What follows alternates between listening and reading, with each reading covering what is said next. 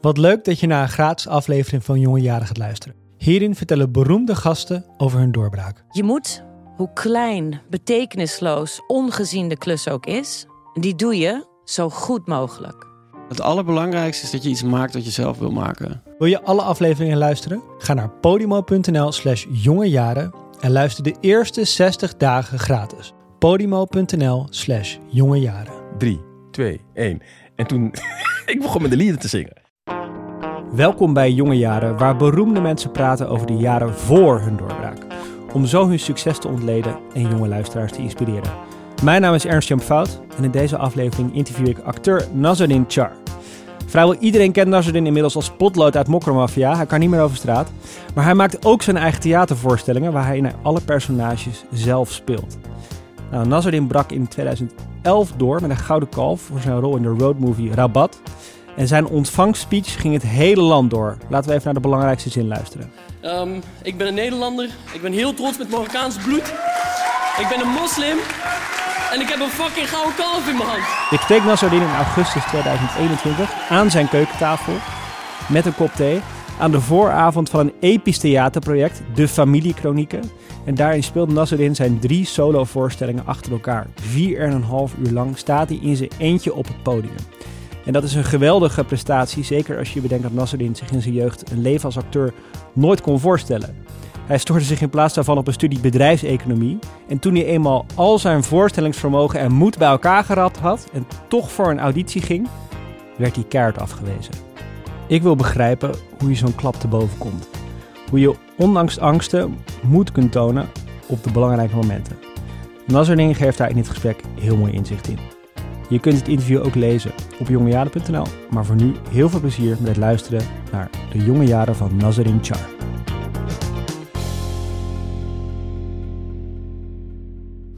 Ah, nou, let's go. Oké. Okay.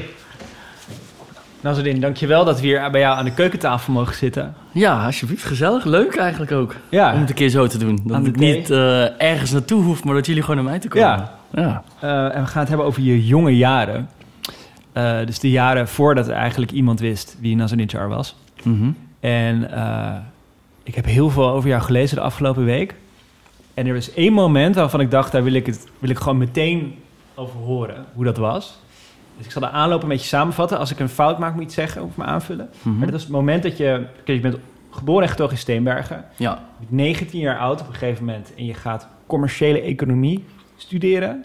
Ja volgens mij een beetje, je zus deed ook, geloof ik. Ja. Een beetje, ja. Maar je hart zat in acteren. Ik ben zo heel benieuwd hoe lang al en hoe, dat, hoe die liefde eruit zag. Maar daar komen we zo op. Um, en ergens in de eerste tijd van die studie merk je al dat, dat je hart er niet helemaal in zit. Dat je niet helemaal tevreden bent. En dan gebeurt er iets uh, heel ergs. Een goede vriend van je, Tom, ja. komt op 17 jaar leeftijd om bij een verkeersongeluk. En dat maakt natuurlijk een enorme indruk op je. Heb je heel veel verdriet over. Maar en je realiseert je dat je eigenlijk je dromen waar moet maken.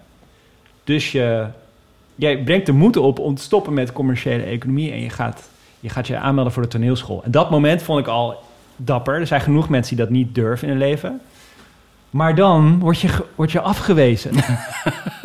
Dus ik dacht, holy shit, dan ben je, ben je 19, heb je zo'n ja. besluit genomen... in zo'n emotionele fase van je leven... en dan een autoriteit wijst je gewoon keihard af. Ja. Wat deed die afwijzing met je?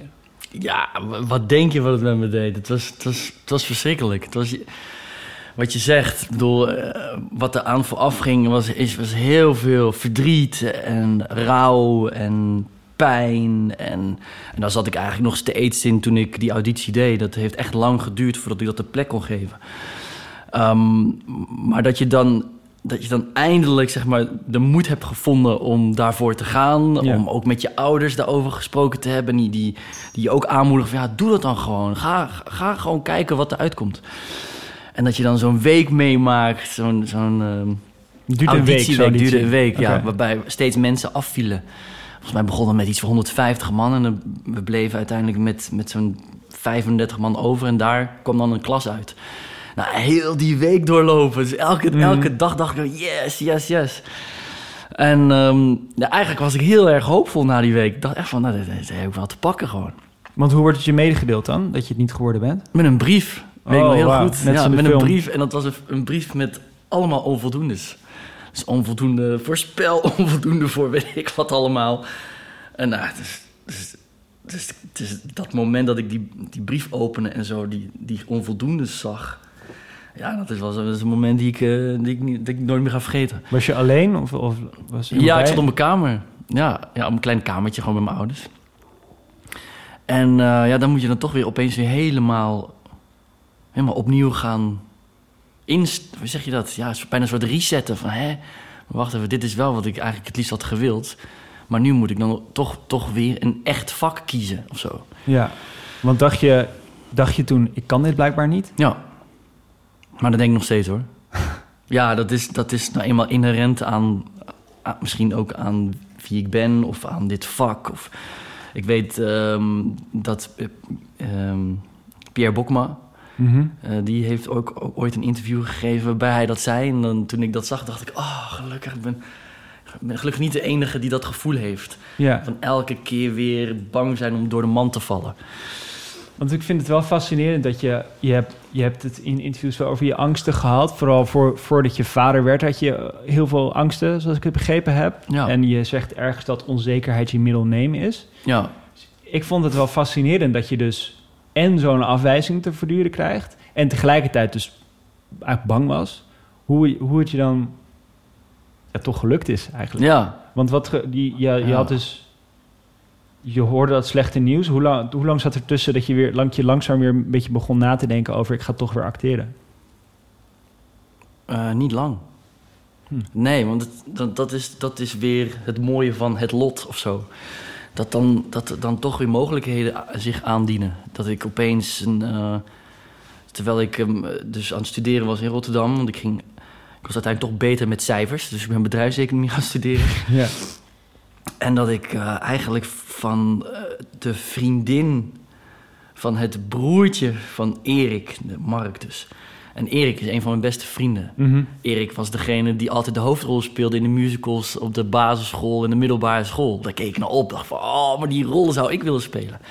En precies, zijn, de vriendin van zijn broertje geeft mij een gele flyer en die zegt, hé, hey, eh, ja, ik kwam dit tegen, het is een auditie voor het, van theatergroep Rotjong. Ik zo, wauw, nou ja. Theatergroep Rotjong staat voor Rotterdamse jongeren. ja. En ehm, ja, dat ben ik gaan doen. Maar dacht je toen niet weer een auditie? Natuurlijk net wel. een week van mijn leven precies. gegeven. ja, tuurlijk. Maar dat is ook weer bij elke auditie heb je dat. Dat, dat is ook ellende van dit vak. Ja, dat De- kan me de- voorstellen. Maar dan is het onderdeel van je vak. Terwijl toen was je nog op het punt dat het helemaal niet je vak Nee, was. precies. Ja, En heb je toen... Wist je meteen toen die flyer kreeg van... Oké, ik ga het gewoon weer doen, Ja. die auditie? ja. Dat is toch echt een gevoel in je? ja, ja Hoe zou je dat gevoel ja. omschrijven? Poef. Ja, als iets wat je... Waar, waar je ongeacht hoe je je ook voelt... of onzeker, angst, whatever... je, je wordt, er, je wordt er door getrokken. Je wordt er naartoe getrokken. Je, het, eh, Echt een Ja, aantrekkingskracht. Echte aantrekkingskracht. Ja, bijna dat gevoel van dat podium, weet je wel. Het- terwijl ik kende dat podium eigenlijk nog helemaal niet veel. Mhm. Ik, heb, ik heb in schoolmusicals gespeeld en zo. Ja, dus daar heb ik dat podiumgevoel ervaren. Nou ja, dat heeft blijkbaar zo'n impact op mij gehad. En dan heb ik, vind, vind ik zo gaaf. Dat dus ongeacht die afwijzing van de toneelschool... of de onzekerheid of de angst... dat ik dacht, dit, dit moet ik gewoon doen. Dit- Ja. ja. Ik wil zo meer, ho- meer horen over de gele flyer, maar ik ben wel benieuwd die aantrekkingskracht. Wat is je vroegste herinnering daaraan? Want je, zei, je, je zegt eigenlijk dat het acteren, dat, dat, je, dat het je zo aantrekt dat al die onzekerheid en angsten eigenlijk aan de kant werden ge- gezet, zelfs na zo'n brute afwijzing. ja. Wat is je vro- allervroegste herinnering aan, aan die aantrekkingskracht? Wanneer dacht je acteren? Dat, dat iets van, Hier eh, Radio Vlierenfluiter op 106,5 meter. Radio Vlierenfluiter. Dat het zegt niks, vertel. dat zoveel pep in zijn pop heeft. Dat is mijn eerste eh, monoloogje wat ik had, eh, groep 8. Ja. De, de, de, het eindmusical. Ehm, waar ik in eerste instantie niet in zou spelen. Maar doordat een ander kindje toen de tijd toch dacht van... nee, dit wil ik toch liever niet doen. mhm. Nou, toen kwam ik opeens in aanmerking voor die rol. En het was eh, de rol van eh, eh, Jack de Schuivenschieter, DJ. Oké, klinkt als een grote rol. nou ja, het was, best, het was echt best wel een oké rol, ja, ja, ja. En dat ging over de hitstompers zo'n een band. Nou ja, en die mocht ik dan steeds aankondigen. En ook daar had Erik de hoofdrol. Ehm, maar ik had toch wel, ja, toch een mooie rol als, als Jack de Schuiverschieter. Ik opende de, de voorstelling, dus het doek ging open. En dan was het, hier, Radio Vlierenfluiter op 106. ja, en dat is... ehm, ik denk dat dat, dat dat wel voor mij wel het, het begin was van dat gevoel wat ik heb met een podium. En, en niet alleen met een podium, maar ook gewoon met überhaupt, weet je wel, de, de vibe rondom het maken van een voorstelling. Ook al, ook al hebben we het over groep 8, weet je, wel, basisschool. Maar de, de energie die loskwam tijdens het eh, monteren, tijdens het spelen, zo met, zo met dat ensemble en zo achter de coulisses en de, Het de samen iets maken en eh, helemaal daarin onderdompelen. Ja, ja, dat ja. Want ja. ik kan me... eh, ik denk dat heel veel mensen zich kunnen voorstellen dat het fantastisch is op een podium staan en dat, dat je een prestatie geleverd hebt en dat mensen dan gaan applaudisseren. Ik vraag me altijd af hoe dat voelt, maar ik denk dat dat fantastisch voelt. Dus die aantrekkingskracht denk ik iedereen aan relateren. Maar dat is vast te plat. Dat is vast niet alleen, toch? Dat je, Nee, nee, want ik, ik merk dat ik met prestatie ook niet echt aanga of zo. Voor mij, maar misschien komt dat door de jaren heen, is dat, is dat, is, heeft dat zich zo ontwikkeld door de manier van verhalen vertellen die ik heb ontwikkeld. Maar gaat het niet zozeer om, om presteren, eerder om mensen mee te nemen. Dus ja, mensen dingen te laten vergeten. Mensen kopen een kaartje, komen in die zaal, gaan zitten en, en vergeten hopelijk even alles, alles wat er buiten die zaal gebeurt. En, en, ehm, en neem ik hen hopelijk mee in, in dat verhaal. En, en hebben ze even anderhalf uur iets meegekregen wat, ze, wat, wat misschien voor heel veel mensen heel nieuw is Ja. eh, op, op andere prikkels gekregen. En, en dat, dat, dat gaat voor mij niet zozeer om, het, om prestatie van kijk eens hoe goed ik kan acteren. Mhm. Helemaal niet. Voor mij, voor mij is het... Ja, ik vind dat verhalen vertellen, dat is voor mij echt mijn doel nu. En dat is je 42-jarige zelf die dat nu zegt. Maar Ja. hoe voelde de 12 jaar dan, denk ik, als je zo'n musical doet, of 11? Hoe, hoe voelde dat gevoel toen? Had je toen ook het gevoel, ik neem mensen ergens mee naartoe? Als nee, Jack de... Nee, nee, hoe, nee, hoe zeker voelde niet. dat? Wat was het dan, dan op dat moment? Ja, dat is gewoon, gewoon, gewoon de kick van toch ook wel... Nou, in die end toch ook. Want je, doe je, je hebt gewoon publiek voor je. En je bent bezig met een verhaal vertellen. Met een, met een musical, sorry. En daar ben je onderdeel van. En eh, ja, je, je, je, je, je voelt ook als twaalfjarige... voel je de, wat het doet met het publiek. Eh, krijg je een applaus en, en wordt er gelachen. Heb je daar, nog, heb je daar een en- specifieke herinnering aan? Dat je het, het moment dat je dacht van een blik van iemand? Of Nou, natuurlijk. op Ja, mijn ouders natuurlijk, die, Oh, ja. die in de zaal zaten. Hoe, hoe En je, je, die voorstelling speel je volgens mij twee keer, hè? ja. Je speelt hem smiddags voor, eh, voor scholieren, voor je medescholieren. En s'avonds speel je het voor je, voor je ouders. En that's it. Maar toch, die twee keer hebben dan zo'n impact gehad. Ik had een heel klein rolletje, dus ik denk dat voor mij, ik moest eh, me verslikken op het podium. En dat was het, met een mitella om, geloof ik. Oh, echt? Ja, dus- Nou, je weet het nog wel. ik weet het nog Je wel, het ja. nog wel. Maar ik kan me niks van de voorstelling herinneren. Het was geen... eh, het is Ja. grappig wat voor verschil dat kan, kan zijn. Ja. En dat is jouw, Ja, blijkbaar ja, jouw ik weet, roeping ik bleek weet te zijn. zelfs nog dat kleine Jopie, gespeeld door uh, vrouwtje van Ekelen, een goede vriendin van mij was en nog steeds is. En die was, die was helemaal vergeten op te komen. Dus ik, ik weet nog heel goed dat ik een leraar heb horen zeggen achter de coulissen: Kleine Jopie! Kleine Jopie! ja, en, dit, en dit, dit gegeven heb ik ook gewoon meegemaakt bij de grote acteurs van Nederland. Ja. Weet je, ik heb ook gewoon in Avenir gezeten met, eh, met de grootste acteurs. Waarvan ook gewoon... Met een kleine Jopie moment. met een kleine Jopie moment, ja. ja. En die, die, op dat moment dat je die musical speelde, dacht je toen, dit, dit wil ik gaan doen. Dit is het. Ja, kijk, toen was ik daar niet op die manier mee bezig. Maar ik weet wel dat het, het podium en ook een, kam, een camera, dat ik dan gewoon aanga. Ja, en kijk, ik leefde niet in een wereld waarbij acteren nou eenmaal een weg is om te kiezen. Ik had Mhm. ik had niemand om me heen die acteur was geworden of die naar toneelschool was gegaan or whatsoever. Dat is iets wat je er gewoon naast deed. Want dat deed je tijdens je middelbare schooltijd, deed je dat. Ook, Musicals zeker, en ja. ja. Heb ik ook een musical gedaan. Dus het was eigenlijk iets waar je gewoon als tiener toe aangetrokken voelde. Ja. Gewoon een hobby. Ja, Net zoals hobby. ik. Age of Empire speelde. Ja. Alleen dat jij een iets spannendere hobby. Eh, Ja. Was het daarom ook dat je commerciële economie ging studeren? Dat je dacht, dit is helemaal geen optie verder? Ja, Helemaal geen optie. En wat veranderde dan rond dat overlijden van, van Tom... dat je dacht, dit is wel een optie? Omdat dit, het leven is dit. Weet je, het is zo voorbij. Dus, dus beter haal je er alles uit. En beter kies je dan iets wat je het liefste zou willen doen. En ik was, ik was commerciële economie. Ik begon en ik was al gelijk doodongelukkig. En dat heeft ook mede te maken met, eh, met het overlijden van Tom. Want dat gebeurde letterlijk eh, de vrijdag... Nee, de zaterdag na mijn introductieweek. Dus ik had mijn introductieweek gehad. En toen, die zaterdagochtend, toen is hij eh, verongelukt. Dus ik begon die studie gewoon al met rouw en met verdriet. En ehm, ja, en ik kon, me daar, ik, ik, kon, ik kon er gewoon helemaal niet in komen. Ik, nee. Ja, en weet je, met, zo terugdenkend is, is dat ook weer... ehm, ik heb me heel vaak afgevraagd... wat was er gebeurd als Tom niet was overleden? Het is verschrikkelijk natuurlijk. Ik, bedoel, ik, had, ik, had, ik, had gehoopt dat hij er nog was. Maar als hij er nog was, wat zou dat dan betekenen? Was ik dan gewoon commerciële economie gaan doen? Had ik dat afgemaakt? Was ik nu ergens op een kantoor gezeten? Ja. Of had ik toch... Alleen, ja, door zijn dood... eh, Zijn dood heeft dus zo'n impact op me gehad. Ik ben zo ongelukkig geweest. Zo... Heeft, ja, waardoor iedereen om mij heen ook dacht... Nas, dit, bedoel, zo kun je niet leven. Mhm. Dus, eh, dus doe iets met, met de gedachten die nu in je hoofd eh, rondgaan. En met het gevoel wat je nu hebt. En, nou ja, en een heel belangrijke gedachte was eh, acteren. Ik wil, het gewoon, ik wil het gewoon proberen. Ik wil weten wat, er, wat ik in me heb en of daar iets uit voortkomt. En je zei dat je er met je ouders over ging praten. Ja, Hoe, hoe, ging dat, hoe ging dat gesprek? Wat was de insteek van dat gesprek? Eh, de insteek was voor.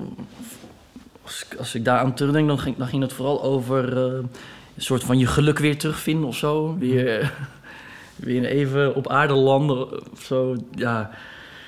ja, ik kan gewoon niet goed omschrijven hoe ik, hoe ik me toen voelde. Behalve dus wel echt heel ongelukkig. En, ehm, ja, en ook heel bang en zo. Bang voor de dood, bang voor. En dan, dan ga je, ja, dan, dan, dan wil je, je ouders willen toch ook gewoon het liefst dat je, dat je enigszins gelukkig bent. En eh, dat haalde ik niet uit mijn opleiding. Ja, wat dan wel? Nou ja, dan. Oh ja, en wat ook belangrijk is geweest, is dat ik eh, via mijn opleiding heb ik een soort eh, zo'n test gedaan. Met allemaal vragen. Een carrière-test. De carrière-test, Oh ja. inderdaad. Nou, en daar kwam dus, dus uit, je moet iets doen in de culturele sector. Ze werken dus wel, die dingen. Die werken, absoluut. Ja. Die, die werkte in ieder geval. Dus ja, ik had ook gewoon een bewijs van, kijk, kijk dan. Ja. Ja, nee, en ze, ze hebben me gewoon aangemoedigd. En ehm, ja, dat is, daar ben ik ze eh, ongelooflijk dankbaar voor. Want daar- ja, ik heb gelukkig gewoon ouders die altijd achter me hebben gestaan. Bij alle keuzes die ik heb gemaakt. Want je zei net, noemde je de Want het is- term want het- echt vak. Was, was, werd het, zag je Ja, het dan niet als een echt vak? Wat, eh, de- kijk, ik, ik, Steenbergen is een, nou eenmaal een, een stadje waarbij ehm, je niet zo snel kiest om, om acteur te worden. De- of tenminste de bubbel waarin ik zat. Ook, al, eh, ook al speelde mijn beste vriend de hoofdrollen in de musicals. Het is niet zo dat die ouders hebben gezegd van... hé, hey, dit doe je wel goed, moet je niet... Nee, die ouders hebben juist gezegd... nee, gaat, eh, gaat gewoon echt vak kiezen. Ja. En dat, ja, dat is een beetje wat ik bedoelde. Dat, dat gevoel van, van eh, acteren is, eh, is een hobby, wat eigenlijk nog steeds, weet je wel. Zo, er zijn politieke partijen die dat zeggen, letterlijk zeggen over dingen als eh, een vak als acteren. Ehm, dat was het toen heel erg. Dat, het, het, het kwam niet eens in je op om te denken, ik ga naar de toneelschool. En hadden je En ouders liever iets anders ook door, door de dingen, hoor, door, door afstand. Weet je, Amst, het was allemaal zo ver, Amsterdam. En Ja. Het is ook pas toen ik me een beetje ging oriënteren dat ik dacht... Holy shit, er zijn gewoon eh, vier toneelscholen. Zo, Utrecht, kan Maastricht, Arnhem. ja, Amsterdam. Dat wist ik. Ik wist dat echt niet. Ik was helemaal niet op de hoogte. En hadden je ouders je liever iets anders zien doen? Dan acteren? Poeh. Oh, dat vind ik een hele moeilijke vraag. Want ik weet... Ik weet kijk, nu, zou, nu zeg ik eh, nee. Ze zijn heel blij met wat ik doe. Maar toen... Nou, wat ik wel... Kijk, wat wel speelde is een diploma. Mhm. Zij waren, eh, ze zaten erg te hameren op het halen van een diploma. Wat ze super belangrijk vonden, omdat zij geen diploma's hebben gehaald en omdat ze weten wat de waarde is van een diploma. Ehm, ja, hebben ze dat wel eh, heel vaak eh, herhaald, zeg maar. Maar dat komt ook omdat ik mijn bedrijfs, ik, bedrijfseconomie heb ik heel lang over gedaan. Ik heb zeven jaar over gedaan. Ja. Omdat ik tijdens die opleiding begon ik gewoon met spelen. En, ehm, en ik heb zelf ook altijd wel ehm, die soort, soort mindset gehad van als ik ergens aan begin, dan wil ik het ook afmaken. En dat is toen met bedrijfseconomie was dat ook heel erg het geval. Maar met acteren, ik bedoel, je kan ook een diploma bij de toneelschool halen. Was dat ook, had dat ook, Ja, ook met geteld? Oh, op die manier. Ja, had ook geteld, zeker, als ik was aangenomen. Maar je had ook, ik dacht dat je, dat je wilde vragen, je had het jaar erop ook gewoon nog auditie kunnen doen, zeg maar. Ja, ja want Maar dat uiteindelijk heb ben ik je... nooit gedaan. Nee, want uiteindelijk Nee. ben je toch teruggegaan de economische kant op, om het even Ja. te zeggen. Ja, ja. Eh, Dat, Ja, ik, die, die auditie die heeft wel gewoon echt wel impact gehad. Op die manier dat ik dacht van, oké, dit heb ik nu gedaan. Ik heb, ik heb gecheckt of ik het kan. Nou, eh, blijkbaar niet. Ik ben niet aangenomen, dus nu, nu ga ik gewoon vol voor bedrijfseconomie. En eh, speelde auditeren voor een toneelschool helemaal niet meer. hmm. Wat wel speelde, was dus, het was dus zo'n gele flyer. was toch gewoon toch wel weer na school eh, gaan repeteren met een groepje en, eh, en, en, en, en een voorstelling maken. Dus je had de droom carrière technisch gezien afgeschreven, eigenlijk. Want je hebt gekozen voor bedrijfseconomie. Ja, Alleen je kon het niet loslaten. nee. En dat is behoorlijk uit de hand gelopen. Dat is heel erg uit de hand gelopen, ja. Ja, en langzaamaan ook het besef van... ja, maar dit is wel wat ik wil. Vanuit, vanuit soort dat het amateur theaterclubje... ehm, wat, wat een hele, hele toffe voorstelling is geworden. En dat viel dan weer samen, want toen ik in première ging met Rauw Rauw... want zo heette die voorstelling... Mhm. geschreven door ehm, Oscar van Woensel... Ja. die nu heel veel schrijft voor televisie en film en zo. En, en toen de tijd heel veel schreef voor toneel. Ehm, die had toen een voorstelling geschreven... eh, naar aanleiding van de gesprekken die hij met ons had. En er waren toen vijf jongens gecast voor die voorstelling. Nou, dat was een, een, hele, een hele mooie voorstelling geworden.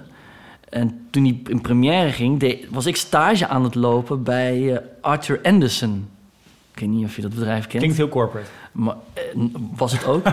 Ehm, het grappige is dat nadat ik daar stopte, eh, toen viel heel dat bedrijf helemaal. dus ik dacht, oh mijn god, wat heb ik daar geflikt? Nee, die ging toen op een gegeven moment onder een ander bedrijf. Nou, whatever. Maar ik zat daar in de soort, soort belastingafdeling. Maar toen heb ik me ook een potje ongelukkig gevoeld. Zo.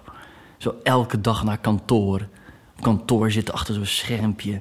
Ik zie het ook eigenlijk niet voor me, eerlijk gezegd. Bij jou. Het Maar-. Klinkt alsof jouw studie dus zeven jaar lang je diploma halen was. Ja. Maar je daarnaast een soort leven bij dag, leven bij nacht... alleen maar aan het acteren was. Ja. Was je ook al... Want je hebt dan zo'n hele mooie eerste... Voor, na, aanleiding van die gele flyer... een mooie eerste voorstelling gespeeld. Ja. Maar daarna heb je ook heel veel dingen gespeeld... die je verschrikkelijk vond, begrijp ik. Je omschrijft, je omschrijft het als dat je onderaan begonnen bent. ja.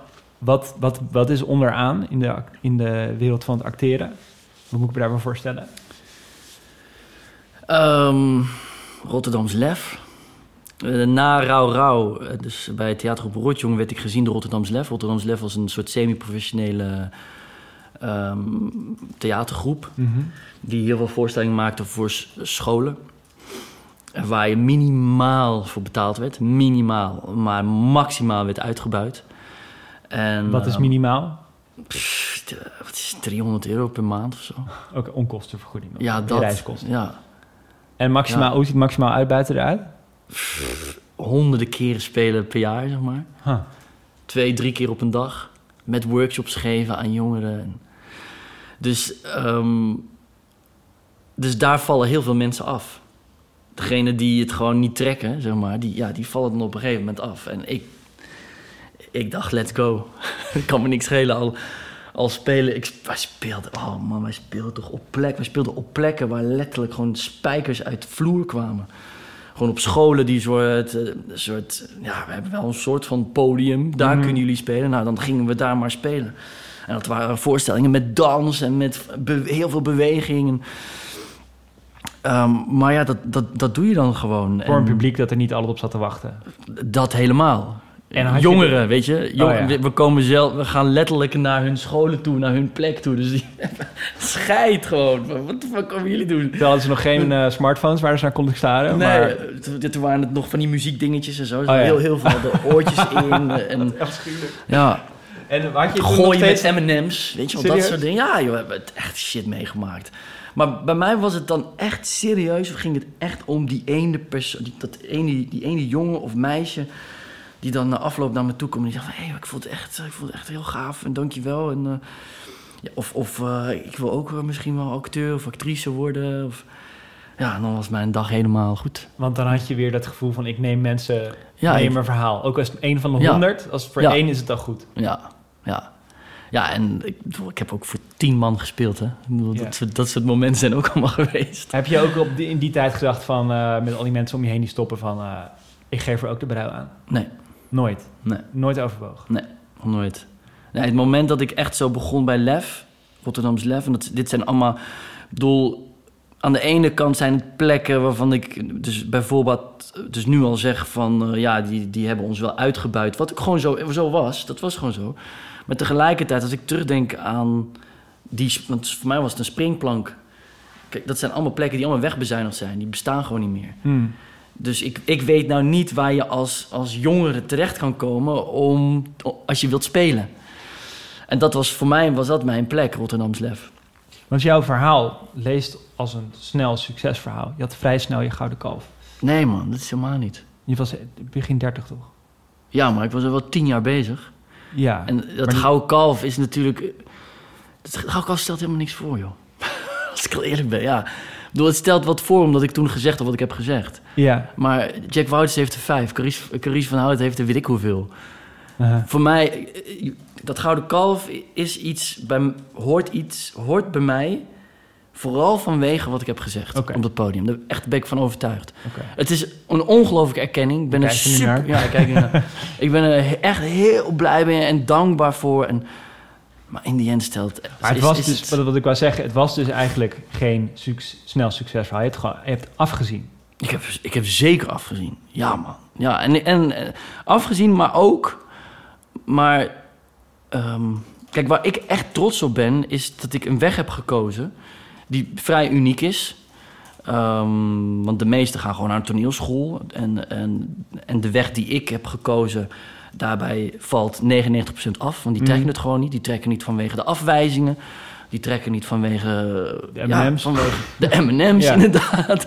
En ook vanwege de energie die je erin moet stoppen, de tijd die je moet stoppen. En toen je daarmee bezig was met het afzien, was het dan afzien omdat ik droom van een groot podium ooit? Of was het, dit is geen afzien, dit is gewoon alles wat ik wil. En elk uur dat ik kan spelen is goed, ook al krijg ik een M&M naar mijn hoofd. Ja, Dat laatste. Ja, absoluut. 100 Maar, maar, en Ja. maar, maar Want ik, want, want, want ik was bezig met mijn droom. Hè. Het is niet, ik, ga mijn, ik, ga, ik werk naar mijn droom. Nee, ik was gewoon letterlijk bezig met waar ik van droomde. Op een podium staan. Mhm.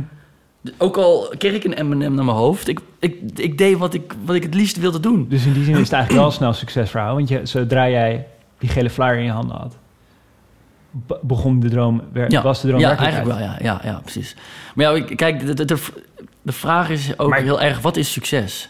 Wanneer is, wanneer is Wat iets is een succes, eh, succesverhaal? Ja, dat, is, dat vind ik een hele goede vraag. Kijk, je hebt hem net Kijk, zelf suc- bedacht. ja, succes is, ehm, succes is ook gewoon eh, dat je gelukkig bent in wat je doet. Ja, succes gaat voor mij helemaal niet gepaard met geld of zo. Ehm, toen, Dat- dat- toen, toen, dat- ik, toen ik bezig was met de stappen die ik maakte... van, van Lef naar het Waterhuis, naar Made in the Shade... Ik bedoel, dat zijn allemaal stappen waar heel veel... waar de meeste mensen niks van weten. De meeste mensen kennen mij vanaf het Gouden Kalf. ja. Terwijl ik heb daarvoor tien jaar lang dus keihard gewerkt... ja dit, ik heb hier een factsheet voor me, dat begint bij 2007. Jammer man. ja, precies. Jammer en man. daarvoor is Oh, een hele wauw. hoop, ook een hele hoop gebeurd. Dus. ja. Um, Ja. maar, eh, maar ik geloof best dat je niet dacht van... eh, ik moet hier rijk voor worden of zo. Maar ik kan me toch wel voorstellen dat je als je M&M's naar je hoofd krijgt... ook al geniet je zo van het acteren zelf... dat je ook denkt van... stond ik maar op, de stad Schouw, stond ik maar op het podium van de stad Schouwburg. Ja, ja Hoe- zeker. Want hoe visualiseerde jij je toekomst? Dacht je, ik maak dat bedrijfseconomie af. Ik ga naar zo'n kantoor ergens aan de A4. En s'avonds ga ik naar een amateurtoneel zelfs. Nee. Nee, want daarvoor eh, was ik dus al, al ver genoeg met acteren. Want ik begon natuurlijk ehm, halverwege mijn opleiding met theatergroep Rotjong. En ehm, vrij snel kwam ik al bij Lef terecht. En Mhm. dus het, het moment dat ik, dat ik eenmaal mijn opleiding afronde na zeven jaar... had ik gewoon ook al aan de weg getimmerd. Dus ik was tijdens die opleiding... die opleiding weet ik eigenlijk echt vrij weinig van. Hm. Als, als ik terugdenk aan die opleiding, ik weet echt... Ik weet er ni- eigenlijk- nee, ik weet echt helemaal niks meer. van. Sowieso niks meer van al die vakken. Maar, dus die opleiding was vooral een soort, soort blok aan mijn been. Die, die Ja. moet ik gewoon afmaken. Maar mijn focus lag op een gegeven moment al helemaal bij theater. Omdat ik de stappen aan het maken was. dacht ik van, oh, oké. Oké, ik, ik, ik ben in twee jaar tijd ben ik in het professionele circuit terechtgekomen. Dus eh, A, kan ik wel wat. En B, vind ik het gewoon te gek. Ja, je had genoeg positief feedback om te geloven, hier, hier, Ja, hier ligt iets voor mij. ja. Maar en, daarnaast, daarnaast wat, er, wat er ook speelde was... toen ik eenmaal afgewezen voor de toneelschool... en eenmaal begon met acteren... toen was ik ook wel, zeg maar, realistisch naar mezelf... Ik weet niet of het realistisch was, maar in, ieder geval... Ik had het wel met mezelf, tegen mezelf gezegd van... Ja, oké, dat, die grote zaal, dat gaat hem gewoon niet worden. Want dat, dat doen alleen maar de mensen met toneelschool halen dat. Die, die kleine zaaltjes, en dat is waar ik speelde... dat is de plek waar ik eh, lekker veel ga spelen. Ja, tot dus 2007 volgens mij. Maar om even een platte vraag te stellen over die tijd voor 2007. Hoe dacht je dan geld te gaan verdienen? Nou, daarmee, want ik, ik verdiende geld. Ik, verdiende, ik zat inmiddels al in een soort CAO. Dus ik had, ik had gewoon mijn maandsalaris. En dat was wel wat anders dan die 300 euro bij Lef, zeg maar. Ja, ja. dus ik vind het wel echt fascinerend dat je dus je grote, je grote liefde acteren al leeft. Je krijgt er zelfs al voor betaald, je kan Ja. ervan leven. ja. En dat je dan wel nog steeds naar die school gaat voor je bedrijfseconomie. Ja, ja, alles voor die diploma. Wa- A quitter, never, er? A quitter never wins and a winner never quits. Dat, is- dat, dat is de poster die altijd stond bij mijn eh, leraar Engels. Die, die haal ik altijd aan. Maar ja, dat is gewoon een zin. Een soort, Kun je nog een keer zeggen? A quitter never wins and a winner never quits. Was het dan was het echt een kwestie van eer? Van ik ben het aan mezelf verplicht? Want als ik het niet afmaak... Die, ik bedoel, het was toch, Ja, je had toch ook. ook prima kunnen zeggen... Deze droom die ik altijd al wilde waarmaken... die wordt nu waargemaakt. Dus ik, ik stop even hiermee. Dat is toch logisch? Nee, Waarom is nee het, want was stoppen, stoppen, sto- stoppen betekent dat je het ook niet meer... Dan ga je het ook niet meer oppakken. Maar prima toch? Want je was toch nee, je was man, acteur. Nee, helemaal niet. Come on, die tijd was ook nog eens dat als je stopte... dat je dan met een megaschuld... eh, Oh ja. Weet je, dat speelde ook. een negatieve incentive. Ja, Zeker. En ja. daarnaast, maar de belangrijkste reden is echt ehm, naar mijn ouders toe. Uh-huh. Mijn ouders zijn daarin super belangrijk geweest. Dat ik gewoon altijd dacht, ik moet, al is het niet voor mezelf, dan maar voor mijn ouders. Dat ik gewoon dat papiertje heb, dat ik gewoon kan laten zien. Kijk eens, pap, mam, ik heb hem. En dat was ook zo. Op het moment dat ik hem echt, dat ik mijn diploma haalde, was ook voor mijn ouders was een soort, ah, nou, ga vliegen, ga je ding doen. En ik heb altijd met mezelf ook een soort, ik heb, ik heb mezelf ook een soort tijdsplan gegeven van als ik eh, voor mijn dertigste niet een plek heb ehm, gecreëerd voor mezelf. Wat ehm, is natuurlijk best lastig, omdat vrij naïeve gedachten realiseer ik me nu terwijl ik dit nu hardop zeg. Omdat het zo'n onvoorspelbare wereld is. Mhm. Maar ehm, zo voor mijn dertigste niet, eh, niet een soort plek heb waarbij ik een soort vastigheid heb gecreëerd rondom dit vak. Als in, ik heb gewoon een maandsalaris. eh, Misschien zit ik wel bij een ensemble. Of, ehm, ja, dan moet ik echt iets anders kiezen. Maar ja, goed, dat, dat speelde gewoon al niet meer. Want ik had gewoon al een Ja. plek. Ik had gewoon die plek. Weet je, ik speelde bij het Rood Theater. En, en het, het gebeurde gewoon. En in je toneelvoorstelling Dad, eh, of moet ik DAD zeggen? Ehm, eh, ga- gaat het over, vertel je over je vader die ehm, vanuit Marokko naar Nederland komt en Ja. voor, een- voor een beter leven, eerst om te werken, maar ook voor een beter leven. Ja. Ehm, als, als kind van je vader had je dan een soort verantwoordelijkheidsgevoel naar hem? Van, eh, mijn ouders hebben dit, dit offer gemaakt, hebben een eh, huid, en hart eh, huis en hart verlaten Ja, voor mij in de toekomst. ja. Was die was dat, had dat, heeft die diploma daarmee te maken? 100 procent. Ja, zeker. Maar, maar dat, dat, dat zeiden ze ook tegen ons. Weet je, Tij- toen, we, onze opvoeding is, is het halen van een diploma is gewoon heel vaak herhaald Ja. en gezegd. En eh, hoe belangrijk ze dat vinden. En daarnaast ook gewoon hoe belangrijk het ook is. Ze hebben, ze hebben ook gewoon gelijk gehad. Halen, het halen van je diploma is ook gewoon belangrijk. Ik ben, ook al doe ik helemaal niks mee, ik ben super blij dat ik dat, ik- dat, ik dat heb. Waarom dan? Want je hebt het nooit nodig. Je, je- Ik heb hem nooit nodig nee. gehad, nee. Maar ik- ja, dat, ik, dat heeft dan te maken met eh, niet opgeven, zeg maar. Dat ik dat kan vertellen aan mijn kinderen. Ja. Want ik heb er niks mee, ik heb er niks, ik doe er niks meer mee, gelukkig niet. Maar ik ben wel ergens aan begonnen en ik heb het afgemaakt. En eh, dat, daar zit gewoon een hele belangrijke boodschap. Natuurlijk, natuurlijk, de boodschap werken aan je droom is, is nog belangrijker. Ja. Maar ik vind dat dat niet opgeven verhaal vind ik echt een hele belangrijke. Ja, het gaat mijn, tegen- Mijn dochter is zeven en ik merk dat ik dat nu al zeg tegen haar. Huh. Van, je kan niet... Je kan niet in één keer iets kunnen, weet je. Ze zit nu op dansen en soms dan, dan werkt het niet of zo. Ja, je, moet, je moet oefenen, je moet leren. En je kan niet alles in één keer. ja, ik vind het wel interessant, want het klassieke droomnajager verhaal is alles laten vallen. Ja, Zoals ik het vaak hoor. Maar dit is eigenlijk nee, daarvoor gaan, maar ondertussen wel ook nog zeker. je ja. backup regelen. Ik of kon, laten ik- zien dat Ik, het kon me ook niet permitteren om alles te laten vallen. Ja. Nee, dat, dat, kon gewoon niet. Hey, en ehm, dat moet wel als een bevrijding hebben gevoeld toen je die diploma had. Ja, man, dat was... Maar ja, kijk, dat is ook weer het lot, hè, van hoe dan dingen gaan en hoe, hoe dingen moeten zijn, of moeten gaan zoals ze moeten gaan en eh, hoe dingen op hun plek vallen. Ik bedoel, het moment dat ik mijn diploma haalde was in dezelfde maand dat ik werd gecast voor Deadline. Mhm. Dat is een, eh, een, een serie voor BNN-Vara, waarbij ik een van de hoofdrollen mocht spelen. Ja. En ik werd gecast voor de rol van Mohammed in eh, de geschiedenis van de familie Avenir. Van Maria Goos. Mhm. Kijk, en omdat ik geen opleiding heb gedaan... heb ik in die jaren van Rotterdamse Lef en het Waterhuis en Made in the Shade... heb ik wel mijn eigen opleiding gevolgd. En dat was dus en heel veel uren maken op het podium, vlieguren maken...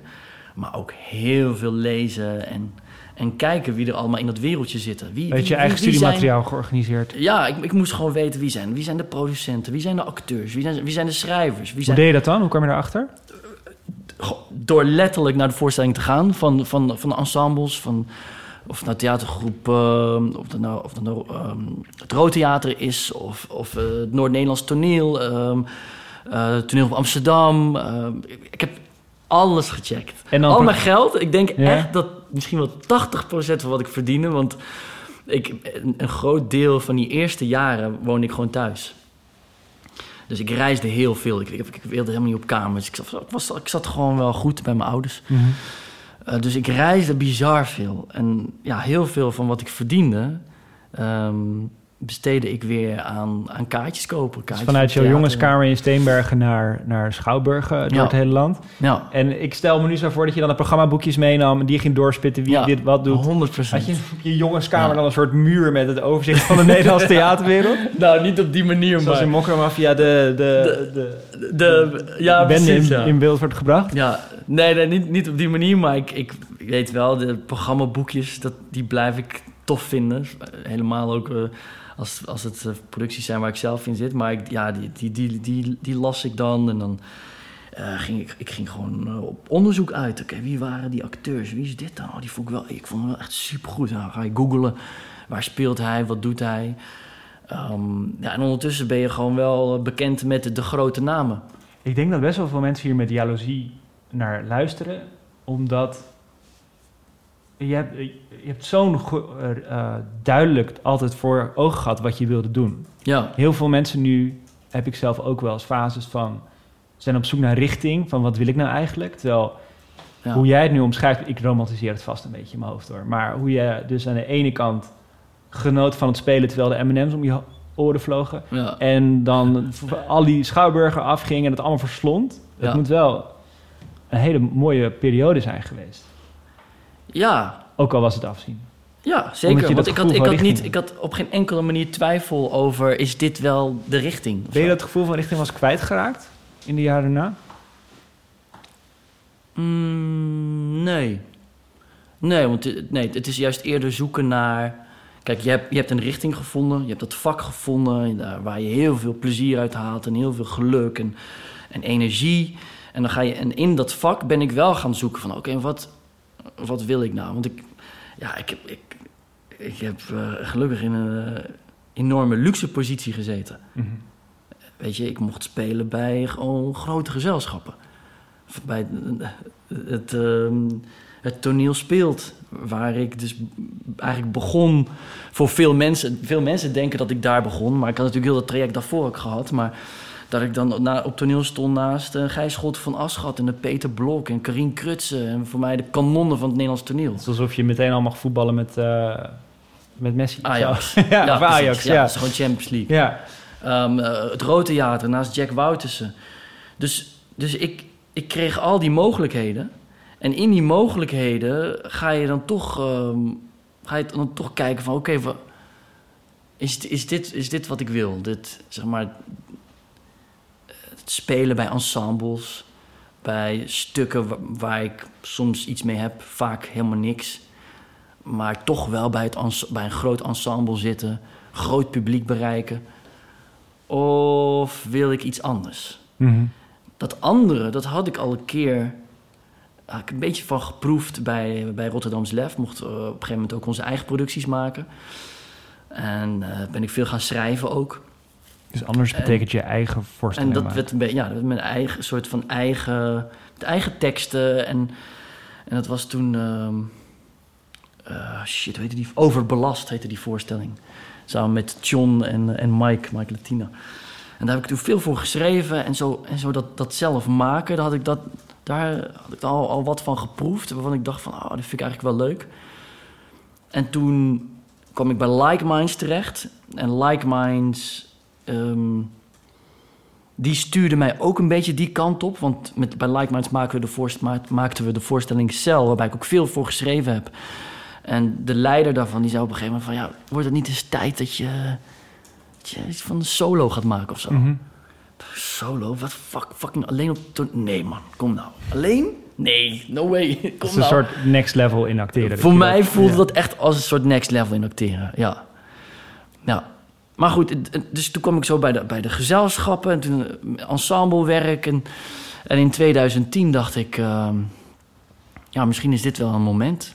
Misschien moet ik nu gewoon dat gaan doen. En toen ben ik gaan schrijven aan, aan een solo. En dat werd toen, de titel is fucking lastig. En dat is... Wat eh, gewoon letterlijk de titel is, zeg maar. ja. En dat kwam voort uit de artistiek leider die belde me met Nas. Je hebt een voorstelling gemaakt, ik moet hem verkopen. Wat is de titel? Ik zei, man, fuck, de titel is fucking lastig, man. Ik weet het echt niet. Toen zei hij, maar dat is de titel. Ik zei, wat? Hoezo? Nou ja. En dat is ook het jaar van Rabat, toch? Ja, Dus je hebt eigenlijk Ja. je, je al heel vroeg de kiem gelegd voor hoe je carrière er nu uitziet. Dat je zelf voorstellingen maakt. ja, eh, dat je alleen op het podium staat. ja, En aan de andere kant eh, in de film- en tv-wereld rollen Ja. speelt. ja. En als je over straat loopt, dan noemt iedereen je potlood. Nu wel, ja, ja. Maar ik kan me ook voorstellen dat... Het klinkt alsof die voorstellingen die je, die je maakt... dat dat voor jou het hoogst... dat dat datgene is waar je het meeste uithaalt. Ja. Ja, ik wou dat net zoveel mensen dat ook zouden zien, zeg maar. Ja. Ja, man, ja, tuurlijk. Ik bedoel, ik ben, ik ben super blij en, en dankbaar voor alle rollen die ik heb mogen spelen voor televisie en film. Maar ehm, ja, wat ik op toneel doe, dat. ehm, als, je, als je mij zou vragen, je moet kiezen, dan kies ik 100% voor het toneel. Worden heel veel mensen boos als je dat doet. Hoeveel fans van Mokkerman. Misschien. Ja. Hey, en ik wil nog even over een ander deel van jouw carrière. Want je bent bekend als acteur. Ja. Maar je bent ook iemand die zich heel vaak uitspreekt voor empathie en verdraagzaamheid. ja, Eh, je zei net al even over het Gouden Kalf van... die prijs stelt niet zoveel voor. Maar wat daar gebeurt is de speech... ja. die, die, we, die we natuurlijk allemaal kennen. Waar, ehm, sprak je je vroeger ook al, in je jonge jaren... sprak je toen ook al uit over, over onrecht... en riep je je op tot verdraagzaamheid? Kan je dat herinneren? Nou ja, ik ben natuurlijk. ehm, het is grappig dat dit nu. Dat misschien komt het omdat het zo, precies zo tien jaar geleden is. Maar de, deze vraag komt eh, weer veel terug. Waardoor ik daarover ben gaan nadenken. En ehm, toen, toen kwam ik wel uit op. Eh, het feit dat ik als jonge jongen, of het nou de basisschool is of de middelbare school, dat ik gewoon mijn eh, spreekbeurten al deed over deze, deze thema's, zeg maar. Bij- Bijvoorbeeld op de basisschool een spreekbeurt toen over Marokko. Dat ging, heeft niet zozeer te maken met verdraagzaamheid of eh, empathie. Of, Die zit in je voorstelling ook, dat, dat je die spreekt. ja, precies. Maar het gaat wel over de vraag wie ben ik? Mhm. En dat ik... Kijk, toen was ik daar natuurlijk helemaal niet op die manier mee bezig. Maar nu met terugwerkende kracht denk ik wel van... Ah ja, maar dat, dat zijn wel zaadjes geweest. Het is, toch, het is toch indirect wil ik mensen iets vertellen over een deel van wie ik ben. En dat doe ik nu natuurlijk ook. Ja. Alleen nu zet ik, er- wil ik er een boodschap achter zetten. ja, je hebt, een paar jaar geleden een mars georganiseerd. Iedereen door Precies. Amsterdam van de Bouwer naar Museumplein. Met Ja. duizenden mensen. Ja, Deed je, deed je dat als tiener ook al? Want een, spreekbeurt over Marokko, dat is dan deel van je identiteit, maar ja. nog vrij neutraal. Lijkt Vrij me. neutraal. Daarna toen. middelbare school een spreekbeurt over rassenhaat. Iets minder neutraal. Dat is veel minder neutraal. Hoe kwam je daarbij? Waarom dacht je dat wordt het onderwerp? Ja, ik wou dat ik het wist, man. Maar ja, het is blijk- blijkbaar iets wat mij dus heel erg ehm,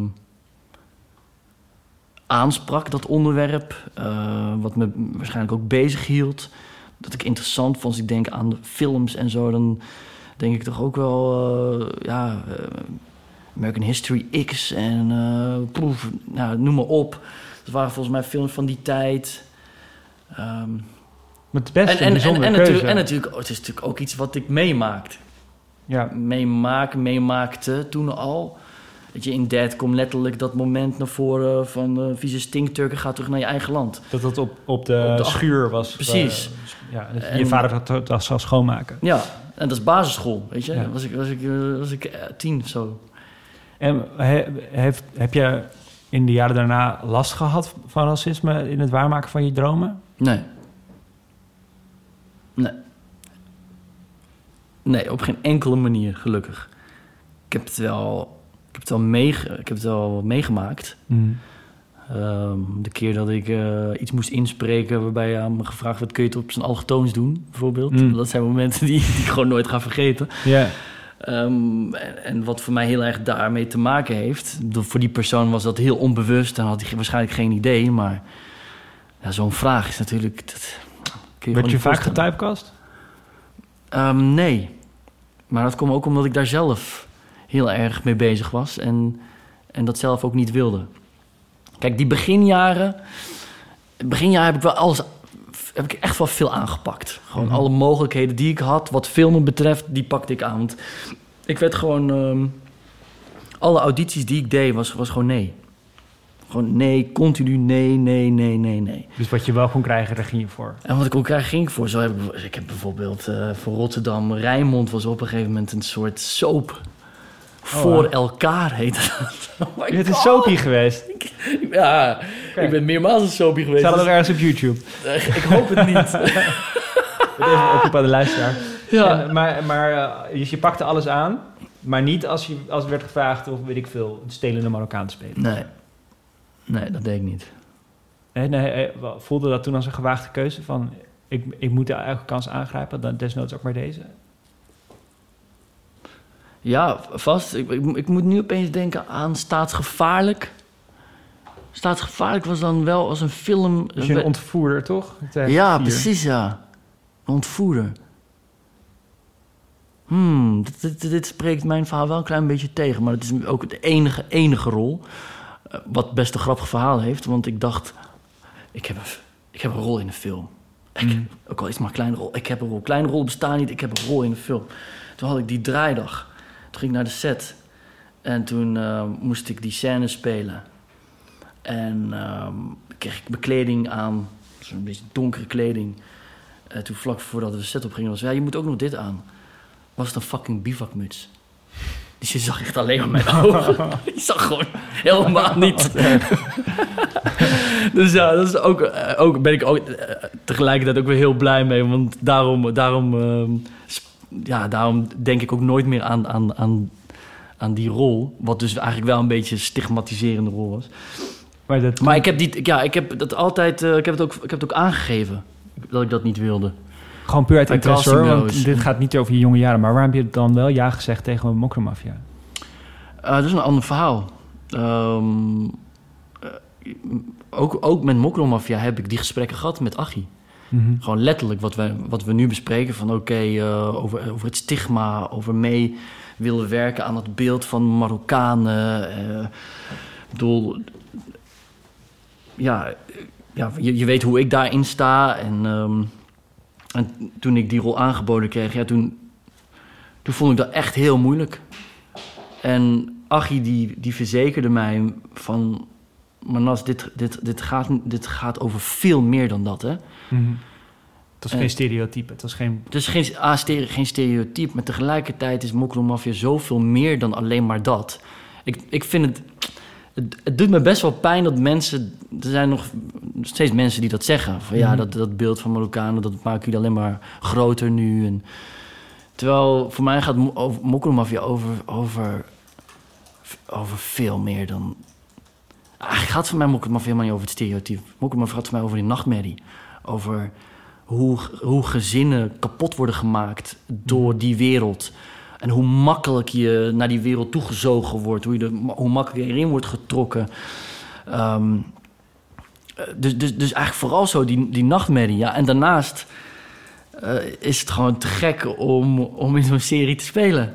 Mhm. Eh, het is voor mij een volledig andere soort rol. ja. Dus, dus na dat gesprek en na het lezen van die script met, met, het, met de hele groep... Dat, dat, dat die serie al ging leven tijdens die lezing... toen dacht ik van, nou man, oh, ik ben echt blij dat ik, dat ik niet ben gebleven bij het stigma, het stigma. ja. ja. En zie je, zie jij, zag je een verband tussen dat maatschappelijke bewustzijn... dat je altijd had als 14-jarige...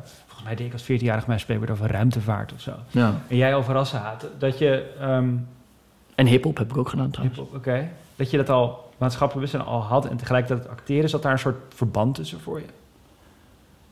Voede het een het ander? Ja. Ja, natuurlijk. Kijk, op dat moment ben je daar niet mee bezig... maar met terugwerkende kracht denk ik alleen is voor maar... jou heel vanzelfsprekend. Je zegt tuurlijk. Waarom, waar- waarom Ja. dat- hoezo dan? Ja, de, om, omdat het.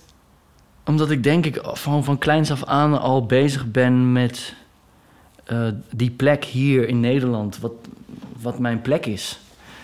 Ehm, en hoe ik me verhoud tot anderen. En eh, wat ik heb meegekregen van mijn ouders. Weet je, ik heb ook heel erg het gevoel meegekregen van ehm, hou je maar rustig. Wees de gast, hè, tussen aanhalingstekens. De gastarbeider, hoe papa hier naartoe is gekomen. Dat, dat gevoel van gast zijn, dat neemt ook iets met, met zich mee. Dus een soort extra netjes zijn tegen mensen. Nederigheid. Nederigheid heeft iets heel, heel moois. Maar ook iets, iets vind ik, als je, als je daar te ver in doordrijft... wat ik naar mijn, naar mijn gevoel wel, wel heb gedaan...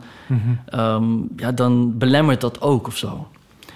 Ehm, en zo dat ook zeker, zeker ook van kleins af aan al dat gevoel hebben van... ik ben een goeie, ik ben een Mm. goeie, dat, weet je, dat willen laten zien. Dat betekent dat je gewoon bewust bent van iets, van een, een grotere zaak. Ja. Nou, en die bewustzijn, die, heb ik, die, die zit er altijd in. Die heb ik meegenomen in mijn werk en daar maak ik voorstellingen over. En Maar nu is dat inderdaad... Als ik naar je voorstelling nu kijk, dan, is dat, dan snap ik die tuurlijk. Want het gaat er letterlijk over. ja, ja. Maar, maar toen je in je jonge jaren, was het toen ook al... Was het dan een, zoek, ook een zoektocht naar identiteit, het acteren? 100 procent, ja. Maar toen had, je, toen had je nog niet de mogelijkheid om zelf te schrijven waar je aan wilde, Nee. wat je wilde vertolken. Hoe vond je het dan toch in het acteren terug? Bij wijze van spreken voor die soap. Ja, maar dat gaat, dat, gaat dan niet, dat gaat dan niet over identiteit. Dat gaat dan niet over die zoektocht. Dus het vak acteren is er niet inherent aan. Het is niet per definitie altijd onderdeel van een zoektocht naar identiteit. Nee. Nee, want- nee, het vak. Nee, want dat gaat ook. Ik bedoel, acteren gaat niet eh, voor mij alleen maar over die zoektocht naar identiteit. Acteren gaat natuurlijk ook over het vak acteren, over verschillende rollen spelen. Eh, of het nou is eh, in, in Suskind dat ik een, een Joodse verzetstrijder speel, of in Wolf een, een broer die ongeneeslijk ziek is. Daar, daar ligt natuurlijk ook heel erg uitdagingen. Van hoe, hoe ga je dat spelen? Dus de zoektocht naar het personage, dat, is, dat speelt natuurlijk ook heel erg. Ehm, maar zoektocht naar identiteit in de dingen die ik maak... hebben wel een hele belangrijke eh, rode lijn in, in mijn werk. Is dat geworden. En voor film ben je natuurlijk heel erg afhankelijk. Theater natuurlijk ook, vooral toen ik bij ensembles speel- speelde. Maar nu ik zelf ehm, theater maak en mijn eigen voorstellingen maak en zelf, op, zelf mijn verhalen vertel, ja, is dat, is dat gewoon inherent aan mijn verhaal. Ja. Omdat, omdat, ik, omdat, het, omdat het voor mij niet alleen gaat over mijn eigen zoektocht, Het staat voor... onze zoektocht. Ja. Dat vind ik belangrijk. Ik ik, wat ik probeer met mijn, met mijn verhalen is dat vanuit dat kleine verhaal. eh, de voorstelling Ja gaat letterlijk over de liefde tussen mij en Amy. Maar in die end gaat het niet over, over die liefde tussen die twee mensen. In die, in die end gaat het over de liefde tussen ons. Weet je, wel, Nederland. Mhm. Bedoel, wat hebben wij voor elkaar over? Ehm, hoe, hoe, hoe, hoe staan we tegenover elkaar? Wat denken we over elkaar? De verschillen. Ehm, wordt weet je wel, het, eh, pff, ja, daar, daar zat voor mij een hele mooie ehm, metafoor voor, voor hoe we in Nederland omgaan met verschillen. Zeg maar. Ik snap nu ook beter waarom dat zo'n belangrijk moment voor je was destijds dat je zelf kon gaan schrijven. Dat je deze verhalen dus door middel van het acteren kan gaan brengen. En deze zoektocht eigenlijk publiekelijk kan uitvoeren. En dat dat het vak voor jou echt rond maakte. Ja, Niet alleen het ambt van het daar op het podium doen, maar ook de mogelijkheid hebben Ja. om het hele verhaal te creëren en daar mensen mee te nemen. ja. Ja, het- moment dat ik dat eenmaal gevonden had of zo, dat ik dacht van, wauw, ik kan gewoon op dit podium, kan ik los van de liefde van het vak. Wel, personages schieten, verhaal vertellen, acteren, kan ik gewoon mensen serieus eh, laten nadenken. Opnieuw prikkelen. ehm, soms zelfs, soms zelfs gewoon eh, dingen meegeven die ze, die ze nooit wisten. En misschien ook wel anders doen laten, an- ander- z- zodat ze anders gaan denken. Ik, ik, ik, ik vergeet nooit meer het bericht van een, van een, eh, een vrouw. Ik weet nog heel goed, toen ze kwam kijken was zij zwanger. Ze kwam kijken in Carré. En, ehm, en ik sprak haar toen. En toen zei ze van, ik ga, als je in, eh, volgens mij IJmuiden of zo... Als je daar speelt, dan, eh, dan neem ik mijn ouders mee. Toen speelde ik daar en toen kwam ik haar tegen. En toen was ze, alweer, was ze al bevallen, maar toen was ze met haar ouders. Toen heb ik nog even met haar ouders gesproken. En toen die nacht kreeg ik een, een, eh, een Facebook-bericht van haar, een, een eh, privébericht... met, ehm, nou, ik denk dat mijn vader nu ook wel een iedereen-shirt wil. Nou, want, want haar vader was eigenlijk, zo'n, was eigenlijk een Harry. Ah, en. Harry in de voorstelling is, ja, is een... ehm, Die staat met een spandoek van geen hoofddoeken, toch? Precies. Ja. Eigenlijk staat hij voor de PVV of zo, Ja. zoiets.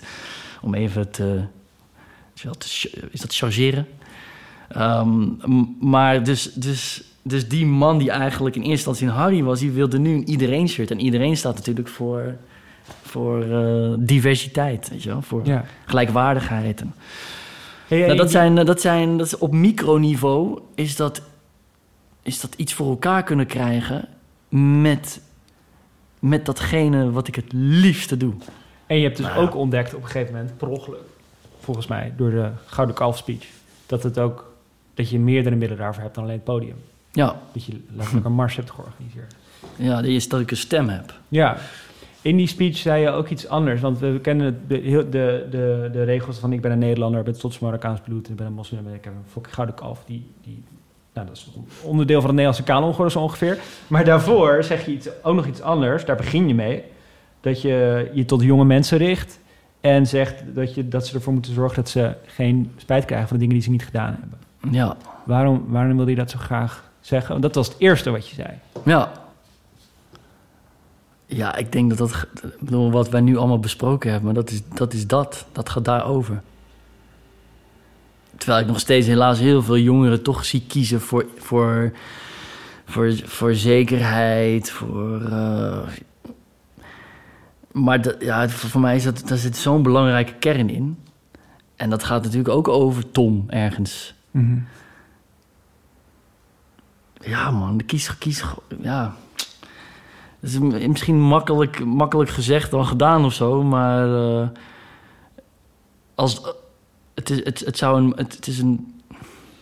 Het is gewoon, ik vind, het, ik vind het een belangrijke levensles. Ja, weet je, als je straks 80 bent en terugkijkt op je leven, dat je dan in ieder geval alles uit je leven gehaald hebt en geen spijt krijgt van de, geen spijt hebt van de dingen die je niet gedaan hebt. Ja. Dus haal alles uit je leven. Dat is het vooral. Ja, ik zou niet weten hoe ik daar nog verder wo- woorden aan zou moeten. Ik ben wel benieuwd hoe je dat... La- laatste vraag, hoe je dat... ehm, volgens mij zijn jouw ouders echt ontzettend, ontzettend belangrijk voor je. Ja, eh, nu, maar ook in je ontwikkeling. Ja. Wat, wat, wat hebben zij gedaan dat, ze, dat je... Ik bedoel, toen je het Gouden Kalf won en die speech zoveel veroorzaakte... toen was je er, eh, begin 30. En toen ben je een paar dagen naar je ouders toegegaan Ja. om daarbij te komen.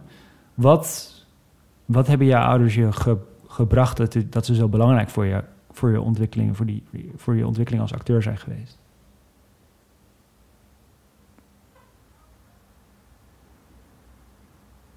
ja, dat klinkt, is echt fucking corny, maar dat is gewoon echt liefde, gewoon. Gewoon, ja, liefde in, ehm, in alles, in, ehm, in mij de tijd gunnen om uit te zoeken wat ik wil, m- maar ook eh, er zijn voor me. Ehm, kijk, mijn ouders zijn, zijn, niet, zijn niet super ontwikkeld als in ze. eh, algemeen ontwikkeling. Ze hebben geen opleiding genoten. Maar ze hebben wel een gevoel en ze weten heel goed. Ja, ze, ze weten gewoon heel goed wie ik ben en, en wat ik nodig heb. En, ehm, en wat ik bij hen vind is, is, eh, is troost en eh, ja, die deken van liefde en geborgenheid, ehm, Kan je je herinneren... vertrouwen. Kan je je herinneren toen je Ja. afgewezen werd toen, van die, door de toneelschool? Hoe je, dat, hoe je dat aan je ouders verteld hebt en hoe ze reageerden? Nee, dat weet ik niet zo goed meer. Dat was volgens mij verder ook niet echt een heel big deal. Ik, ik kan me best wel voorstellen dat mijn ouders hebben gedacht... Oh, nou, gelukkig. kan ik me echt best wel voorstellen. Nee, ik, weet ik echt niet. Dat zou je aan hem moeten vragen. Ik weet alleen nog heel goed zo dat moment van het openscheuren van die envelop... en dan die... Het waren volgens mij twee, eh, twee vellen papier. Nou... Nee, ja mijn, ja, mijn ouders zijn gewoon super belangrijk voor me. En misschien heeft het, is dat ook, heeft dat ook met tweede generatie ding te maken... dat je je heel erg vasthoudt ook aan hen. Ehm, of juist tegenovergestelde. Juist proberen helemaal los te rukken van je, van je ouders. Ehm, maar ja, de, eh, geloof. Ik denk dat geloof daar ook echt belangrijk is. Ik ben islamitisch en en voor mij is mijn geloof echt, echt belangrijk. Ook naarmate ik ouder word, merk ik, merk ik wat, het, wat het voor mij betekent. Ehm, en daarbij is gewoon de, de- ja, je ouders. Je ouders zijn daarin heel belangrijk. Hebben een belangrijke plek daarin. Mhm. En ik heb gelukkig ook ouders die dat ook verdienen, die plek. Ja, dat is het, dat is het eigenlijk. Het klinkt ook alsof je altijd ge- gevoeld hebt dat je ouders in jou geloven. Ja, En dat je ook fouten mocht maken. En, eh, ja zeker. Jawel, ja. Ja, ja, 100% Ze zijn ook streng geweest en zo, natuurlijk. Eh, ja, kan Maar ik, ik- ja, en, en ik ben, ik ben ook niet. Weet je, ik ben ook niet zo'n puber geweest. Ik, ben ook, ik, ik, heb, ik heb ook helemaal niet gepubert. Ik heb het helemaal niet moeilijk gemaakt. Nee, als ik kijk naar, naar vrienden van me, hoe, zij, hoe moeilijk het zij eh, hun ouders hebben gemaakt. Dat, ik, nee, ik was eigenlijk best wel gewoon een voorbeeldig kind, saai kind misschien. Maar er viel weinig met mij te beleven. En misschien heeft dat weer te maken met de angsten. Dat ik gewoon te bang was om dingen te, te doen Behalve omdat, ik altijd, altijd weer bezig was met, met het gevolg. Behalve dan een belangrijke besluit te nemen om wel voor acteren te gaan. Ja, kijk, dat soort dingen. Ja, dat, ja, en daar ben ik, ben ik super trots op. Kijk, dat, dat, zijn, dat zijn die besluiten die, die, ehm, ehm, die, die mij en hebben gevormd, maar ook echt wel ervoor hebben gezorgd dat ik sta waar ik sta. Het feit dat ik in Avenir zat, de grootste productie die we in Nederland op dat moment kenden in de toneelwereld. Ja. Met de grootste acteurs. En dat ik als groentje daarbij zat. Eh, voor mij, ik, ik, ik, blijf, ik blijf die productie ook nog steeds als een soort stage zien van de grote zaal. Want ik, Mhm. ik dacht, ik zal nooit in de grote zaal terechtkomen. Maar opeens stond ik daar in de grote zaal en, en leerde ik eh, hoe Gijs, en Peter en Karine omgingen met, met tekst en met timing en met, eh, weet je, met grap en je, publiek met 800 mensen in de zaal. Maar tegelijkertijd was er ook een situatie waarbij ehm, in, in deel 3 mijn personage er met het familiekapitaal vandoor ging van die Brabantse familie waar Mohammed terecht kwam. En ik dacht alleen maar, maar, maar dit kun je toch niet menen? Dit, je kan toch niet mijn vader, want ik koppelde die, dat personage koppelde ik direct aan mijn vader. Je kan mijn vader toch niet met het familiekapitaal vandoor laten gaan. Die eerste generatie, wat de eerste generatie wat niet heeft, voor, wat niet heeft gedaan voor dit land. Ehm, dus, dus, dus ik koppel het gelijk aan, aan het hele grote, aan het stigma. Want nee, maar fuck, dan zijn we toch dieven. Weet je wel? Ja, en eh, toen heb ik een brief geschreven. Toen heb ik gezegd, sorry, maar dit kan ik niet doen. Als, als groentje. Weet je, terugdenken, denk ik alleen maar... Wat? Dus dat- Hoe heb ik dat gedurfd? Dus heb ik een brief geschreven aan Maria van luister, zo voel ik me hieronder. Dit, is, dit, dit, dit kan ik niet spelen hier en hierom. En ik, ik, eh, ik, ik, ik denk dat ik eruit stap. En toen heeft zij mij teruggeschreven met wow, heftig. Eh, maar liet ik hen ook blijkbaar iets zien waar zij helemaal niet bij stilstaan. Ook de andere acteurs. Die, ik weet nog heel goed dat we allemaal aan tafel zaten... en dat ik jankend aan tafel zat tijdens de lezing. En aan het einde van de lezing dat, dat ze me vroegen van... Hey, what's up? En dat, ik- dat, ik- dat ik er niks uit kon krijgen en dat ik gewoon naar huis ben gegaan. En dat ik toen, eh, toen een mail ben geschreven. En wat heeft Maria toen gedaan? Toen heeft ze gezegd, met dit gevoel gaan we iets doen. Huh. En dat, uiteindelijk werd dat Oemi. Snap je? Dus dat heeft allemaal zo... Dat heeft, Ik, ja, ik echt, echt kippenvel van. ik vind dat wel... Wat ik van dit gesprek en van... Ik heb een week met je... Wat ik zei net, ik heb een week Ja. met jou doorgebracht. Eh, het is alleen maar over je gelezen en zo. Wat ik daar echt uit meeneem, wat ik heel inspirerend aan vind... is dat je dus... Je, je was heel angstig, bent vast nog angstig en onzeker... maar dat je dus op de momenten... dat je wel het lef hebt gehad voor een paar hele grote besluiten. Ik wist dit, dit laatste verhaal kende ik überhaupt nog niet eens. Maar, Ja. maar dat je dus, op het moment dat je de Champions League betreedt, eh, de speelwijze aan de kaak durft te stellen Ja, vanuit een overtuiging. ja. Dat, ehm, en dat je dus het besluit hebt genomen te stoppen met de commerciële economie. Vervolgens werd je afgewezen, maar dat, dat doet er helemaal niet toe. Want het besluit, dat is wat uiteindelijk het belangrijkste was. ja. Dus dank je wel daarvoor. Heb je die toneelschool ooit nog eh, gesproken? Die mensen ooit nog gesproken? Sterker nog, ehm, in 2012, 2013 werd ik gevraagd door de toneelschool in Utrecht om daar een workshop te geven. Oh, lekker. Dus toen heb ik elke dag tegen die scholieren gezegd: Ik ben hier ooit afgewezen. en nu sta ik hier voor de klas.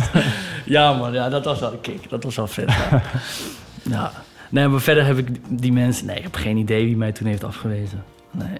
Nou, heeft je revanche. Je de wereld is veranderd wat dat betreft. Ja. Nee, dank je wel voor dit gesprek. Super dank, man. Want ik vond het echt, echt gek. Het was echt voor het eerst weer even een ander soort gesprek. Mooi. Mooi ja, te echt horen. dank. Dank. Dank voor het luisteren naar Jonge Jaren, een interviewprogramma van POM. Je kunt het interview teruglezen op jongejaren.nl en daar vind je ook andere interviews met beroemde presentatoren, politici, kunstenaars, schrijvers, muzikanten. En ik publiceer daar ook artikelen met lessen die ik leerde uit alle interviews. Vond je dit een mooi gesprek? Dan is het heel fijn als je het deelt met vrienden of een waardering geeft in Spotify of de Apple Podcast app. We zijn met deze podcast aangesloten bij podcastnetwerk Dag en Nacht Media. Bianca Schrijver voert redactie, Botte Jellema is opnameleider en Monka is onze designpartner.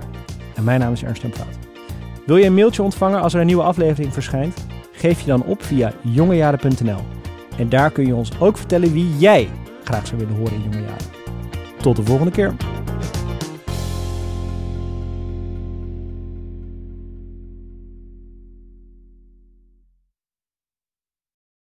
Wil je meer afleveringen van Jonge Jaren horen? Ik heb nog tientallen andere interviews met inspirerende makers opgenomen. Ga naar podium.nl slash jongejaren en luister 60 dagen gratis. Mis het niet en laat je inspireren om je eigen pad naar succes te vinden.